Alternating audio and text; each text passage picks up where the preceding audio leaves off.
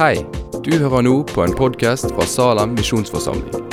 En menighet i sentrum av Bergen. Vil du vite mer om oss eller komme i kontakt med oss, gå inn på salem.no.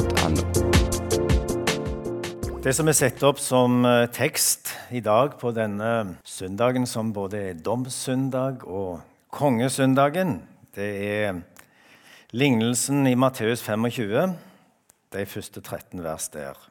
Og Da står det slik Da skal himlenes rike være å ligne med, en, med ti jomfruer som tok lampene sine og gikk ut for å møte brudgommen.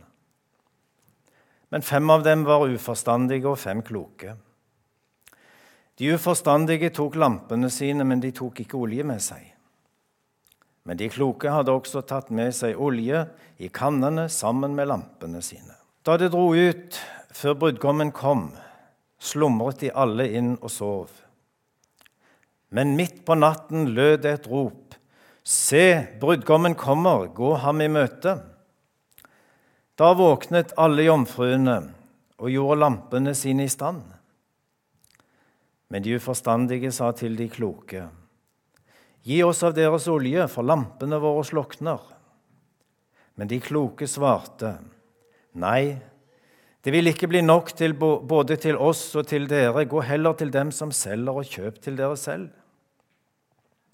Mens de var borte for å kjøpe, kom brudgommen. Og de som var rede, gikk inn med ham til bryllupsfesten, og døren ble stengt. Til sist kom da også de andre jomfruene, og de sa, Herre, Herre, lukk opp for oss. Men han svarte og sa, Sannelig sier jeg dere, jeg kjenner dere ikke. Våg derfor, for dere kjenner ikke dagen eller timen. Lignelsen om de fem kloke jomfruer, fem Eh, fem kloke, fem dårlige jomfruer eller brudepiker. Tre hovedpunkt. Jesus, han kommer igjen. Det går som ei klar linje gjennom hele Det nye testamentet. Han kommer som konge, han kommer som dommer. Og det er en sterk forventning fra Matteusevangeliet og helt, ikke minst, til Johannes' åpenbaring. Videre så går det klart fram både fra dette vi leste her, og fra hele det bibelske budskap, at det er de som er Guds barn, de som er frelst, de blir med når Jesus kommer igjen. Med til himmelen, inn i den eh, evige festen som aldri tar slutt.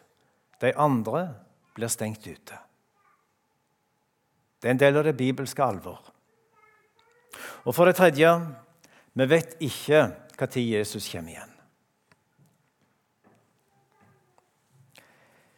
Da Det var det første ordet i, i det som jeg leste, Det første ordet i dette kapitlet.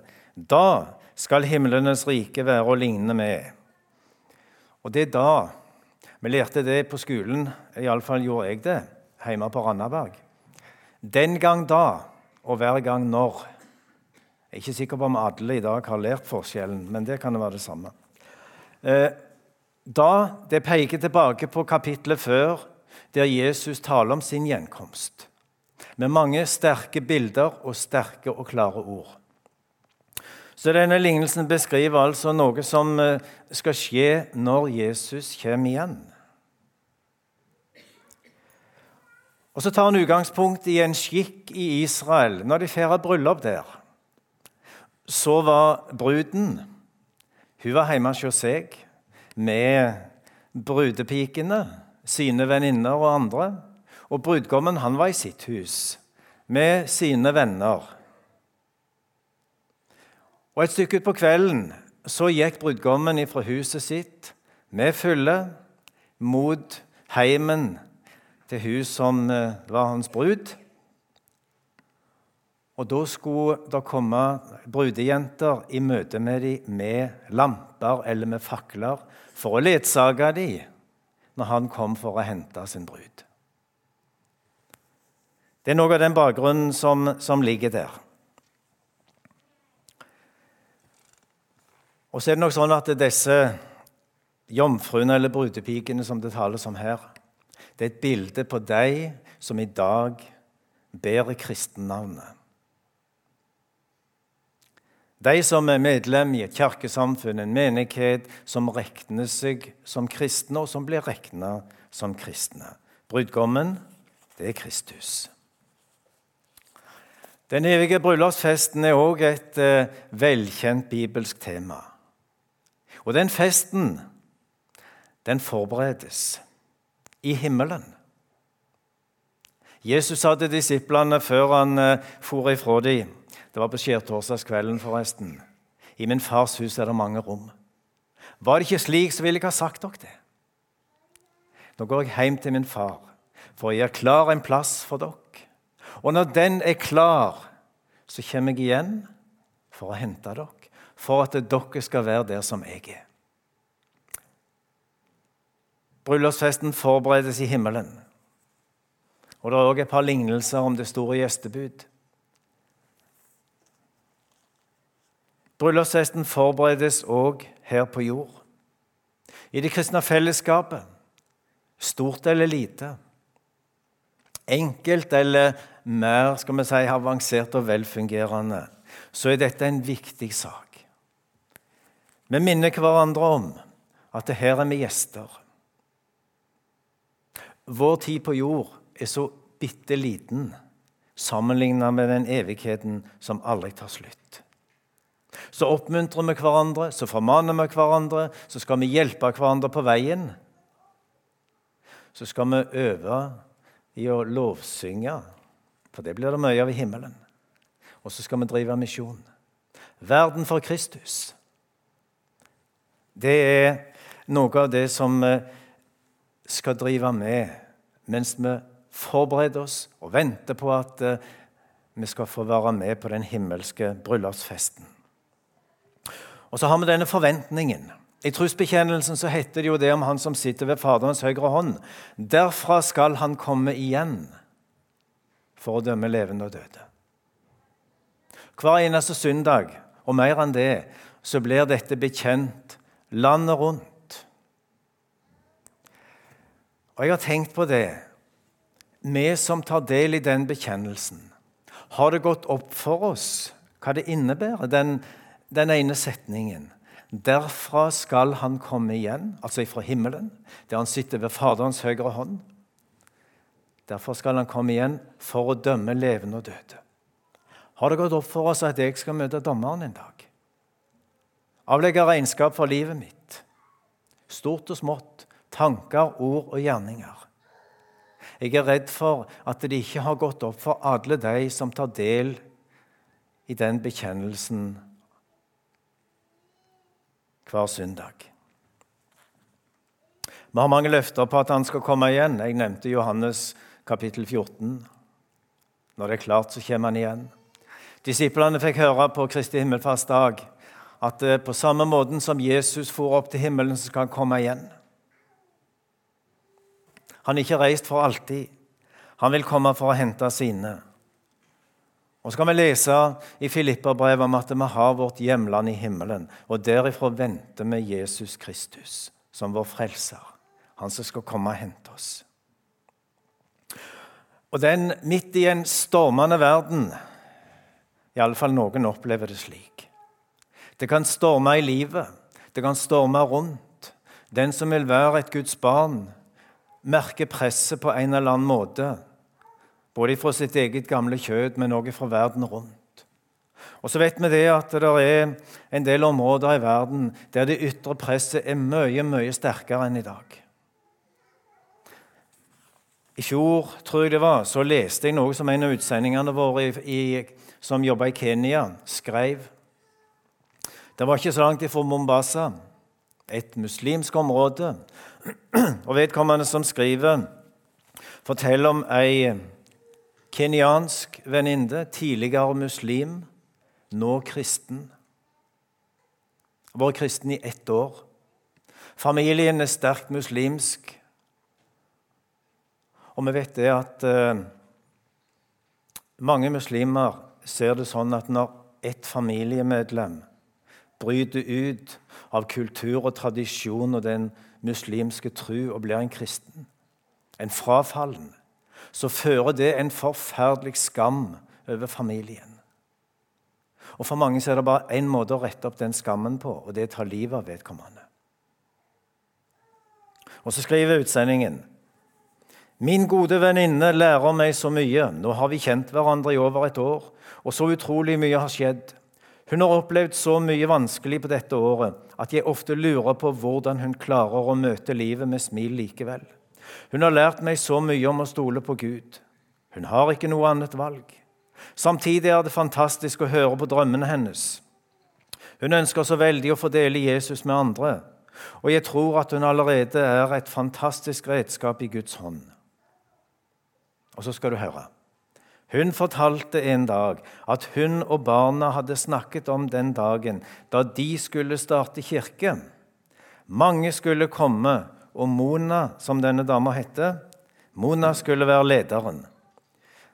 Da sier dattera på 15 år, og når de kommer og tar deg, så er det jeg som tar over. Da fortsetter sønnen på 12 år, og når de tar deg, så er det min tur. Og så ler de godt, alle tre. Kan du tenke deg, skriver misjonæren, hvor i min kristendom hører dette hjemme? Jeg finner det liksom ikke. De er så fulle av tillit. Mona fortalte meg en annen dag at brødrene mine kan ikke ta meg uten at Gud tillater det. Og om de dreper meg, så hjelper de meg egentlig bare til himmelen. Det er sterkt. En del av vårt ansvar som misjonsfolk. Ei søster som merker presset på en helt annen måte. Men det kommer så klart fram. Hun har denne forventningen, denne tryggheten i Jesus, som ingen kan ta ifra henne. Og du er jo ikke redd verken for å leve livet som kristen, ikke redd for å dø engang. Ikke redd for å møte Gud på dommens dag. For hun har en som har tatt hennes sak, som har tilgitt hennes synder, som har kledd henne i rettferdighetens drakt, og som står og venter ved overgangen til det evige liv. Disse ti som hadde lampene sine, de syntes det gikk lang tid før brudgommen kom. Og så sovna de. Det drog ut. Hadde han glemt det? Hadde han sovna, han òg? Hadde han ombestemt seg? Og en, Det er mange som har spurt når det står så klart i Bibelen at Jesus skal komme igjen, hvorfor har det ikke skjedd?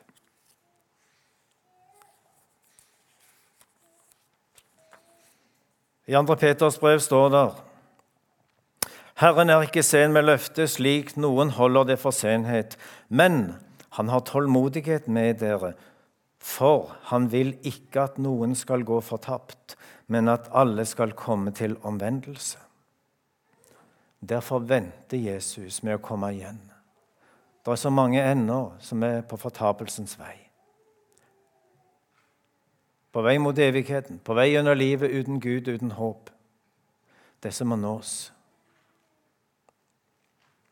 Men Herrens dag skal komme som en tyv, og da skal himlene gå med veldig brak, og himmellegemene skal komme i brann og gå i oppløsning, og jorden og alt som er bygd på den, skal brenne opp.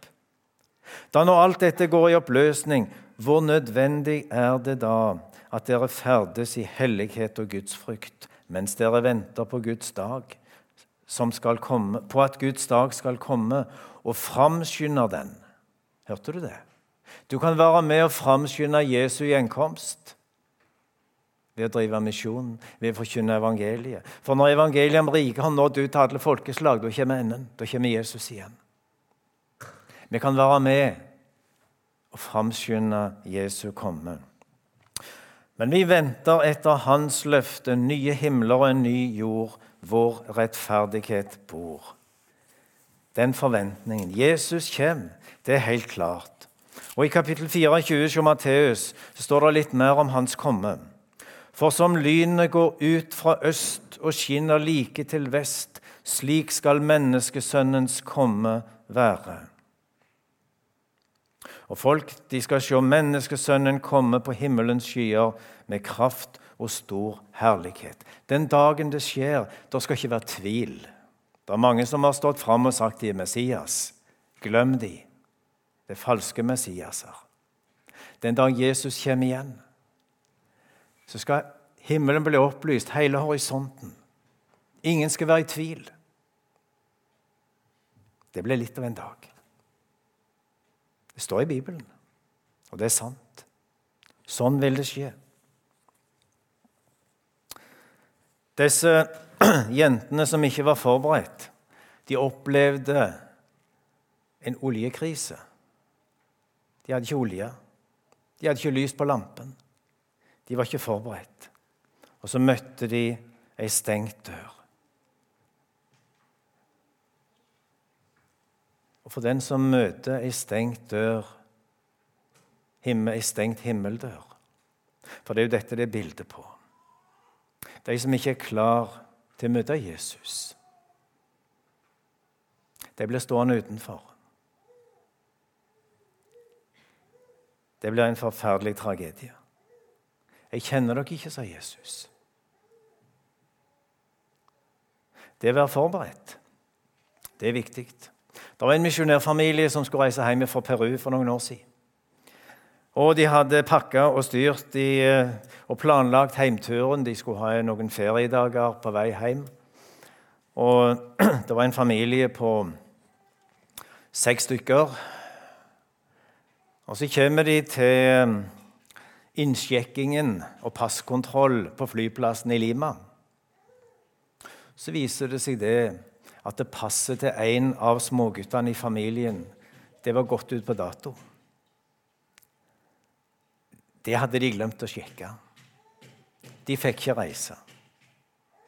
Døra til avgangshallen var stengt.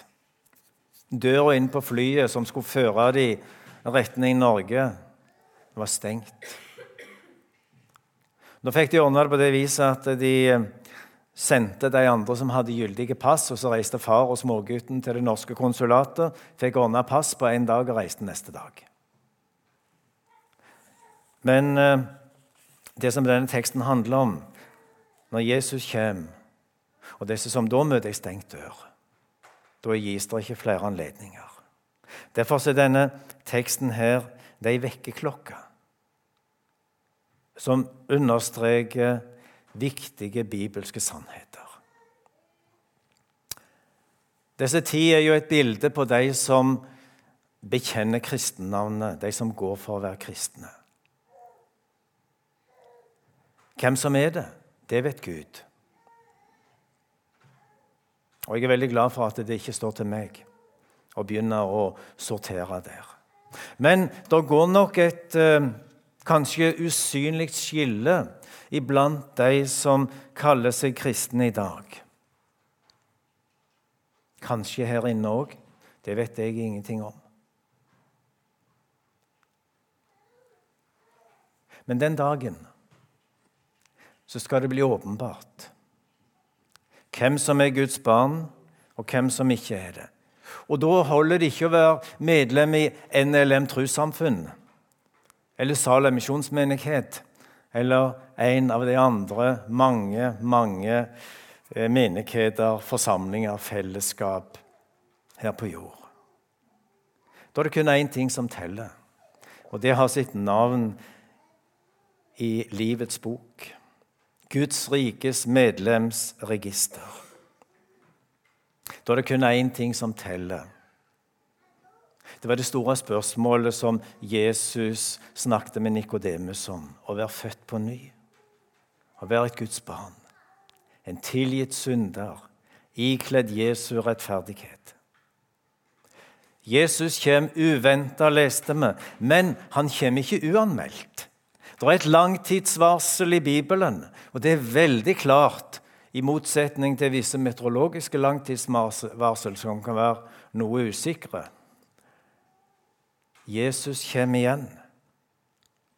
Og Jeg syns det er veldig tankevekkende eh, å, å, å, lese det den ene setningen fra kapittel 24 hos Matteus, der Jesus snakker om Noah. For eh, som Noahs dager var, skal, slik skal menneskesønnens komme være, sier Jesus. Og hva var det som skjedde? Jo, Noah han bygde på arken. Dette svære byggverket Du hadde ikke fått plass til det her inne i salen engang. 150 meter langt. 25 meter brei var arken og 15 meter høy. Ei samla golfflate på ca. 10 000 kvadratmeter. Det var ikke et byggverk som han drev og putla med bak løa. Men det var synlig for alle. Og du kan være sikker på det. De snakket om det, og ryktene gikk. Og folk rista på hodet av den der gamle mannen som det hadde rabla for. Noah fikk helt sikkert masse spørsmål. Han fikk anledning til å forklare hvorfor han bygde. Gud har sagt det til meg. Det skal komme en flom, en dom, men her er redningen. Folk hadde sett, de hadde hørt, de visste. Og så står det i Matteus 24, 39 om, Jesu, nei, om, om flommen. Liksom, eller 38, liksom de dagene før vannflommen åt og drakk, tok til lekte og ga til lekte, helt til den dagen da Noah gikk inn i arken. Og de visste ikke av det før vannflommen kom og tok dem alle. De visste ikke av det. Ja, men de hadde jo sett. De hadde hørt. De hadde fått forklart. Likevel kom det som en overraskelse. Og jeg er redd for at mange vil oppleve Jesu komme. Eller den dagen da livet tar slutt, på samme måten. En har hørt det forkynt. En har lest, en har bekjent trosbekjennelsen. Men en var ikke klar likevel.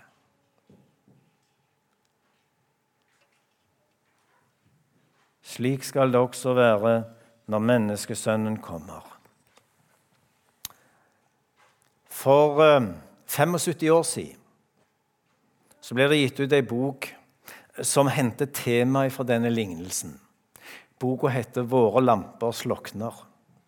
Og Den skildrer eh, kort fortalt livet i en menighet. Det er noen som eh, vil leve etter Jesu Vil leve som Jesu vitner. Men så er det andre som eh, lever på en annen måte. har jeg nær sagt. Det er viktigere å ha en velorganisert, fungerende menighet, et flott sangkor og, og, masse sånne ting. Og ikke minst eh, teknikker. Det er snakk om en vekkelsespredikant som har sine eh, mer og mindre psykologiske eh, effekter som han bruker. Og Så kulminerer denne fortellingen mot slutten av boka med at menigheten er samla til en stor jubileumsfest. Og midt under festen så kommer Jesus igjen. Eller Jesus henter sine. Mer enn halve forsamlingen forsvinner. De blir rykka bort. Halvparten av sangkoret er borte.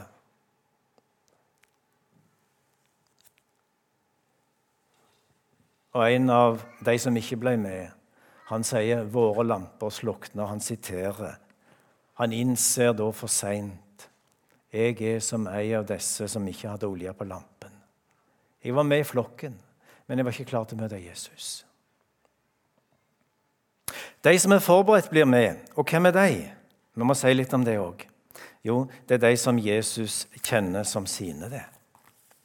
Det står eh, et veldig flott eh, et par veldig flotte vers i Johannes 10. Mine får hører min røst, jeg kjenner dem, og de følger meg. Og jeg gir dem evig liv. De skal aldri i evighet gå fortapt, og ingen skal rive dem ut av min hånd. Og det er mange tilsvarende løfter i Bibelen om at det er den som holder seg til Jesus. De som har kristendom som mer enn en teori. De som tar sin tilflukt til Jesus, som roper om nåde. Gud, vær meg synder nådig. bekjennelse, oppgjør, forlik, tilgitt, fred med Gud. Disse er forberedt. Det står ikke til meg. Egne gjerninger, glem det. Et av de første ordene i, i Bibelen, i Romerbrevet, som jeg beit meg merke i, og som jeg aldri har sluppet, og som jeg aldri vil, det, det, vil jeg holde fast på. Så lenge det sviver rundt her oppe, og så lenge hjertet slår, så er det da ingen fordømmelse for den som er i Kristus Jesus. Ingen fordømmelse for den som er i Kristus Jesus. Og hva vil det si å være i Kristus? Jesus han kalles for Ordet. Johannes 1, f.eks. Han er Ordet. Her er Bibelen. Det er Ordet. Det er Jesus. Så har jeg et bokmerke i Bibelen min med navnet mitt på. Det fikk jeg lagd i Sør-Amerika for mange år siden. Og det er meg. Den dagen da jeg som 14-åring bødde kne og ba Jesus om å tilgi meg mine synder og komme inn i livet mitt, så tok han imot meg. Og så er det da ingen fordømmelse for den som er i Kristus. Når Gud ser på meg, så er jeg skjult i Kristus. Men jeg er her, jeg òg. Det som Gud ser, han ser Jesu rettferdighet. Hans fullkommenhet, og den er min. Det er derfor sangeren synger 'ren og rettferdig'. Himmelen verdig er jeg i verdens frelser alt nu. Ordet forkynner at mine synder kommer han aldri mer i hu. Og jeg er frelst og salig fordi Sønnen har gjort meg virkelig fri. Fri fra nøden, dommen og døden. Amen. Halleluja. Og så slipper vi ikke dette spørsmålet. Når Jesus kommer igjen blir jeg med da? Eller blir jeg stående igjen? Som Guds barn så har vi lov å ha den vissheten og den tryggheten og den tilliten at det, takk og lov, jeg er frelst, jeg er på vei til himmelen. Men vi skal ikke bli selvsikre. Derfor så skal vi la dette hellige uroens spørsmål er mitt navn skrevet der i din bok, Herre kjær? Der hvor dine står tegnet, er mitt navn skrevet der. Det var en liten gutt som skulle be aftenbønn. Og Så hadde de snakket om dette med livets bok og det å være et Guds barn. Og så ba gutten sånn. Kjære Jesus, nå må du se om navnet mitt står i livets bok. Og hvis det ikke står der, så heter jeg Olav. Sånn. Skriv meg inn. Ei bønn etter Jesu hjerte. Ei bønn etter Jesu hjerte. Helt til slutt. Hjemme i Skien der har vi en stor hage med seks frukttrær. Ett pæretre, fem epletrær.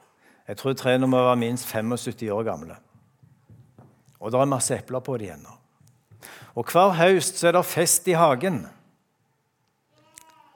Da samles fuglene der og eter det som henger så høyt, eller det som har ramla ned, det som ikke vi får fatt i. Og de gjør tre ting. De samles, de eter epler, og så skravler de. Et forferdelig spetakkel. Det er trekkfuglene som er på vei som forbereder seg på den lange turen til Syden. Og da trenger de næring. Og så har jeg lurt på hva er det de snakker om? Hva er det de skravler om? Jeg er ikke sikker på det, jeg har ikke lært meg fuglespråket. Men jeg tror det må være omtrent slik. Nå må vi sørge for å ta til oss nok næring, for vi skal ut på en lang og krevende og strabasiøs tur. Har vi ikke nok mat, så dør vi på turen. Og dere må slett ikke tro at eh, dere kan bli her i Norge i vinter. Da vil dere fryse i hjel. Noen kan bli fristet til å tenke på at det vil være lettere å finne en grei plass å være enn å legge ut på en tur på mange tusen kilometer til Sør-Europa eller Nord-Afrika eller enda lenger. Sørg for å ete nok. Og det andre de sier, hold dere sammen med flokken. Vi må, vi må være sammen. Ikke prøv å ta en vei alene. Ikke sakk akterut. Det er rovfugler som er ute etter sånne som oss.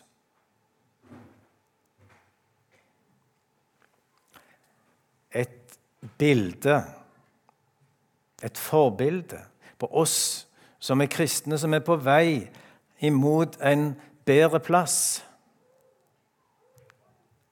Vi trenger å samles. Vi trenger å ta til oss næring. Vi trenger å formane, oppmuntre, veilede, hjelpe hverandre på veien.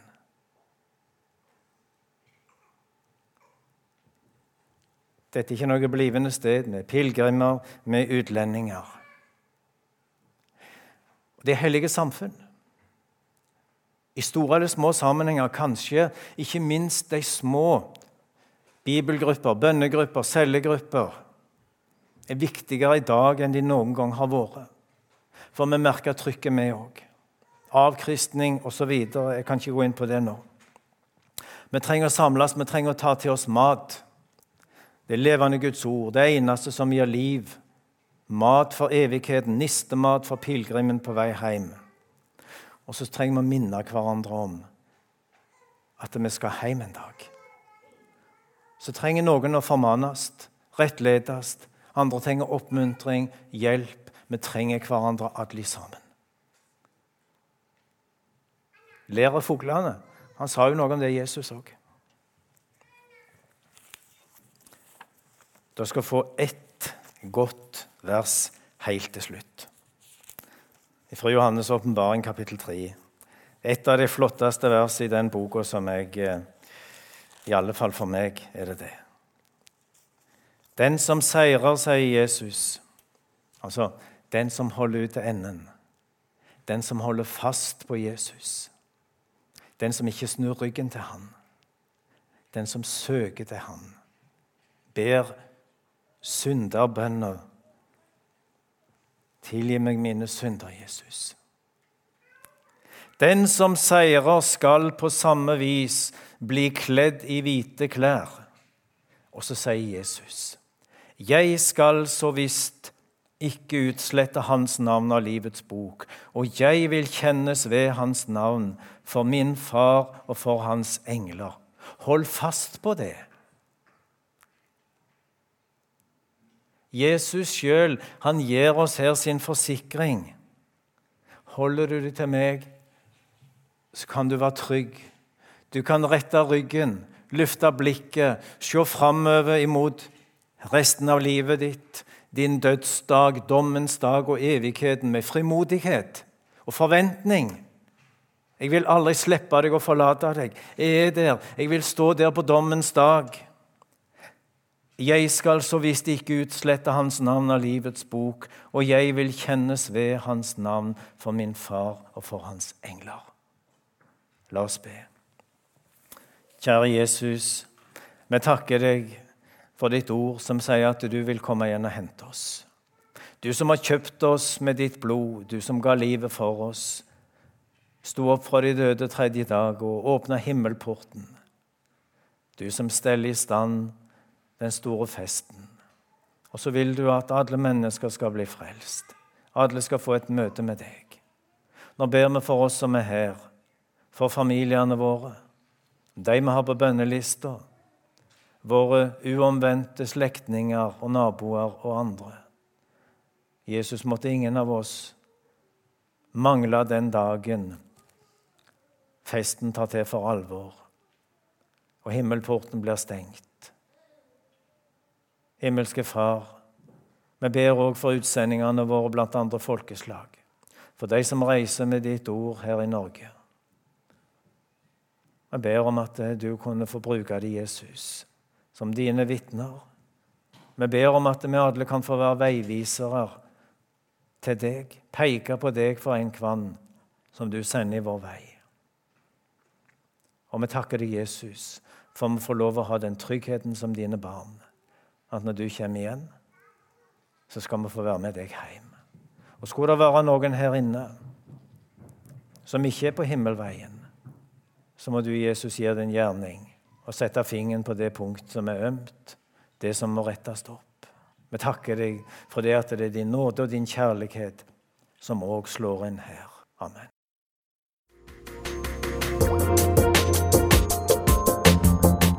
Takk for at du har hørt på podkasten fra Salem, Bergen. I Salem vil vi vokse i et stadig dypere fellesskap med Gud og med hverandre. Vi vil være Jesu hender og føtter, og vi vil være med og forkynne frelse for Bergen og resten av verden. Besøk oss gjerne på salem.no om du vil vite mer.